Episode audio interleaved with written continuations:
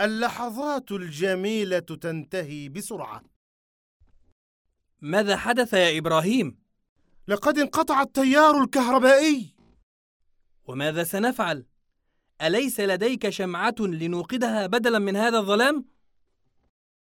هذه أول مرة تنقطع فيها الكهرباء وأظن أنها لن تعود سريعا عندي فكرة يا شباب تعالوا بنا نتسامر حول ذكرياتنا حتى يعود التيار مرة أخرى فكرة جيدة ابدأ يا ماجد ها؟ ماذا سأقول؟ ومن أين أبدأ؟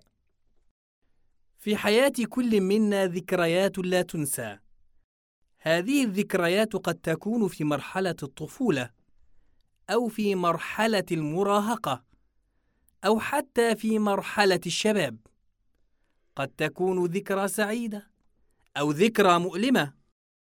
أه، تحدث مثلا عن واحدة من أروع ذكريات طفولتك. مم. واحدة من أروع ذكريات طفولتي؟ آه أروع ذكريات طفولتي كانت مع أمي رحمها الله. فعندما كنت أنام في أي مكان في المنزل كنت أستيقظ دائما وأجد نفسي في سريري.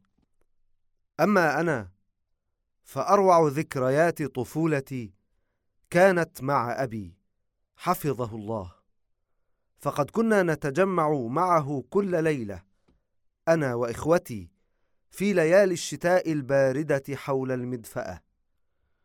وكان يحكي لنا سيرة النبي صلى الله عليه وسلم والصحابة الكرام رضي الله عنهم. حسنا يا شباب. من منكم يتذكر أول ذكرى في حياته؟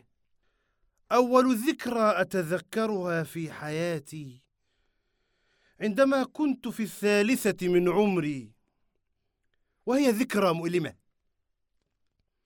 فقد سقطت من فوق السلم سقطة شديدة وجرح وجهي فخاط الطبيب هذا الجرح ثلاث غرز وما زالت آثاره باقية في وجهي حتى الآن. دعونا يا شباب من الذكريات المؤلمة.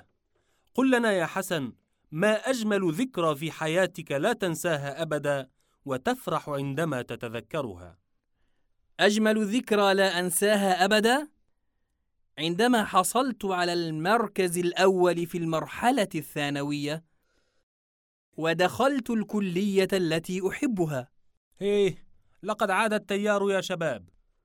يا للأسف اللحظات الجميلة تنتهي بسرعة.